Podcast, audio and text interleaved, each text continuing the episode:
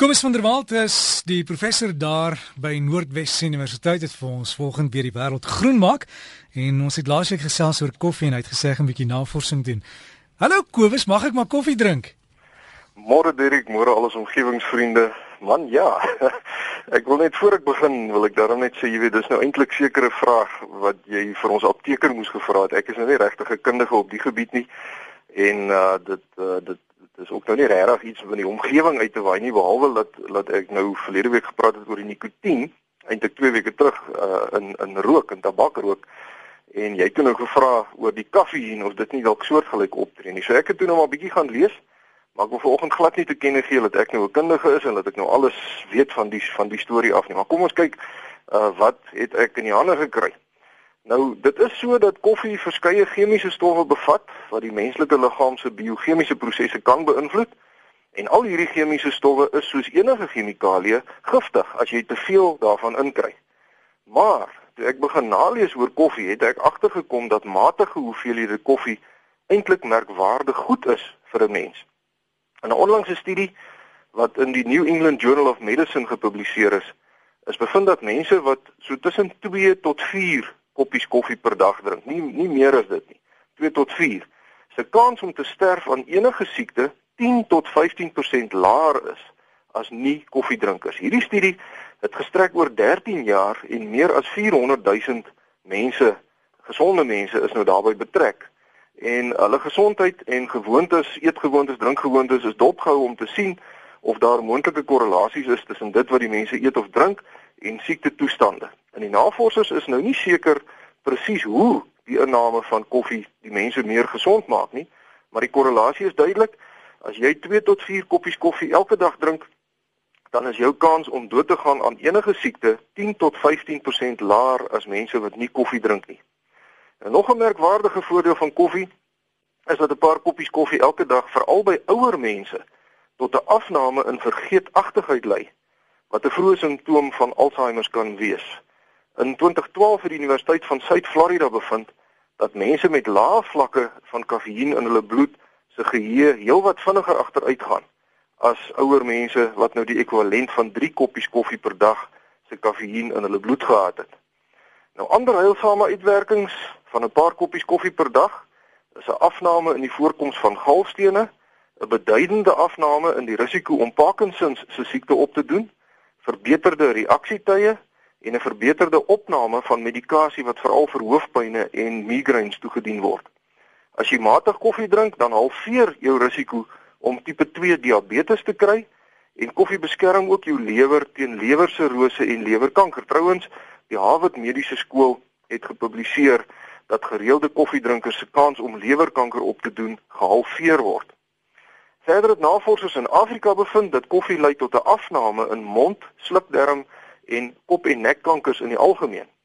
'n Geringe afname in borskanker met die matige gebruik van koffie is in Swede bevind, terwyl by mans die risiko van aggressiewe prostaatkanker ook deur koffie verlaag word. 'n Matige inname ehm um, uh, skiet ook 'n matige afname in sterftes wat veroorsaak word deur hartsiektes is in 2012 waargeneem by mense wat meer as 4 koppies koffie per dag drink. So dit lyk my mense moet 'n bietjie meer koffie drink as jy nou nie uh, aan 'n hartsiekte wil wil wil, wil maklik doodgaan nie. Maar in koffie is dan ook goed vir jou spysverteringsstelsel alhoewel dit ontwatering kan aanhelp as jy nou meer as 5 koppies koffie per dag drink. Dan is koffie ook 'n kragtige antioksidant wat jou selle beskerm teen skade. En daar is ook bevind dat koffie lei tot 'n afname in plaakvorming in jou mond wat natuurlik beteken dat 'n mens minder gaatjies behoort te kry in jou tande. Daar's ook in 'n 12 jaar lange studie met 45000 mans bevind dat koffie 'n beduidende afname in die voorkoms van jeug tot gevolg het. En laastens is daar in Japan bevind dat koffie lei tot 'n afname in hoë bloeddruk by mans. Nou dit klink nou amper te goed om waar te wees. en ek het geleer as iets te goed klink om waar te wees, is dit gewoonlik. En daar is ook enkele negatiewe invloede van koffie. Nou eerstens as 'n mens gastritis of maagseer het, moet jy liefs koffie vermy want dit kan die maagseer vererger. En dan is dit algemeen bekend dat die kafeïen in koffie jou sleg kan laat slaap of selfs geïrriteerd kan maak. In 2007 is daar ook bevind dat daar twee chemikalieë in koffie is wat die slegte cholesterol vlakke in 'n mens kan verhoog. Maar dieselfde navorsers het toe agtergekom dat as mens papierfilters gebruik om jou koffie mee te brou, die filters daai twee slegte chemikalieë nou opvang en die koffie dan nie hoë cholesterol veroorsaak nie. Die tipe filters waar mens nou die siffie deur die koffie afdruk, het egter nou nie die gewenste uitwerking nie. Dit moet papierfilters wees. 'n Verdere baie belangrike feit oor koffie gaan oor verwagtende moeders. 'n Swanger vrou moet lyk my maar versigtig wees vir te veel koffie, want 'n studie in Denemarke waarby meer as 18000 vroue betrek is, het in 2003 gewys dat swanger vroue wat meer as 4 koppies koffie per dag drink se risiko om geboorte te skenk aan 'n doodgebore babatjie beduidend hoër is. En by vroue wat meer as 8 koppies koffie per dag drink, is die kans dat jou babatjie doodgebore gaan word 220% hoër as vroue wat nie koffie tydens swangerskap gebruik nie. Nou die rede hiervoor sê die publikasie is dat die kafeïen in die koffie deur die plasenta na die babatjie se liggaam toe kan dring en omdat die babatjie se organe nou nog nie volledig gevorm is nie, bly die kafeïen langer in die babatjie se bloedstroom as in die volwasse uh, mamma se bloedstroom en dit kan dan nou sleg wees vir die babatjie. So swanger vroue moet verkieslik hulle koffie uh, inname maar beperk lyk my tot minder as 4 koppies koffie per dag. Dan kan koffie ook 'n ystertekort in moeders en kleuters vererger omdat dit die opname van ysteraanvullings uh, teenwerk en verder moet koffie liefs ook nie saam met parasetamol gedrink word nie omdat te veel van hierdie mengsel lewerskade kan veroorsaak. Een van die artikels wat ek gelees het gaan oor die vraag of koffie kalsiumopname by vroue negatief beïnvloed. En dit lyk vir my dat alhoewel koffie wel negatief inwerk op kalsiumopname, is dit so gering dat die melk wat 'n mens in jou koffie gooi, daai 2 teelepels uh, genoeg is om hierdie negatiewe uitwerking te kanselleer. So Derrick, as mense na al hierdie inligting kyk, dan lyk dit of koffie nie verniet al eeue lank 'n gewilde drankie is nie. Daar is werklik goeie getuienis dat matige hoeveelhede koffie goed is vir jou. Behalwe natuurlik in die geval van swanger vroue. Nou wat van mense wat nou 10 of meer koppies koffie per dag drink of die jong mense wat deesdae amper permanent loop en teeg aan 'n blikkie van hierdie energiedrankies wat vol kafeïen is en dan is ehm uh, kafeïen ook in in in in uh, drankies soos Coca-Cola, dit kom in sjokolade voor en dit is eintlik nogal uh, meer algemeen in voedselsoorte as wat ons dink.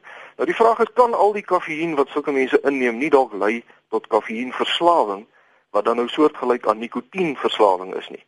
En die antwoord hierop is ja, dit kan. 'n Mens kan verslaaf raak aan kafeïen, maar dit lyk vir my asof kafeïenverslawing heelwat minder gevaarlik is as nikotienverslawing. Korttermyn simptome van oormatige kafeïeninname is hoofpynne, naarheid en angstigheid En as mens nou jare lank groot hoeveelhede kafeïen inneem, dan kan al die heilsame werk van koffie ongedaan gemaak word. Want as jy te veel koffie drink, dan verhoog jy jou risiko om Parkinsons, diabetes 2, lewerkwale en hartsiektes op te doen. Ons weet almal dat kafeïen die sentrale senuistelsel stimuleer en dat dit mens meer wakker, paraat en meer bewus van alles om jou laat voel.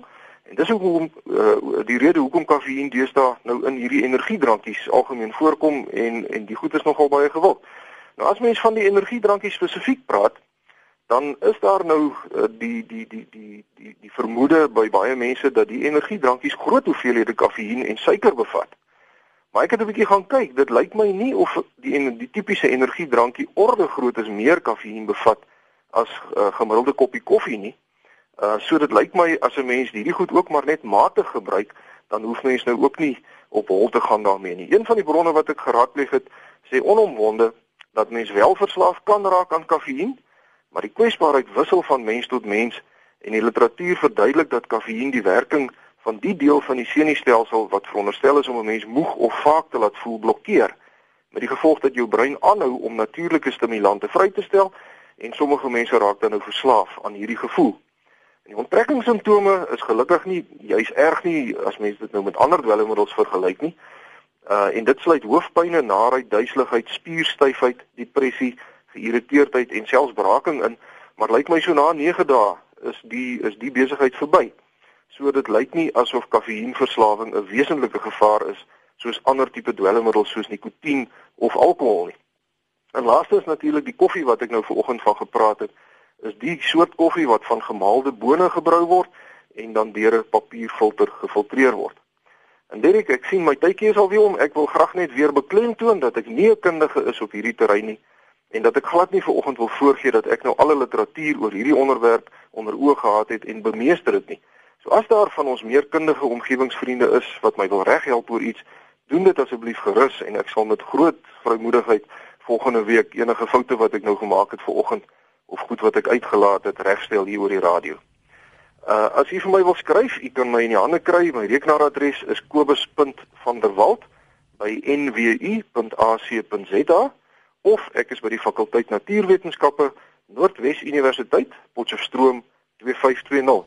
Lekker koffie drink tot 'n volgende keer. Ek maak se dankie Kobus, maar jy kry ook onttrekkingssimptome so dowwe hoofpyn as jy nie genoeg kry nie, né? Ja, of as jy te veel kry, Dirk.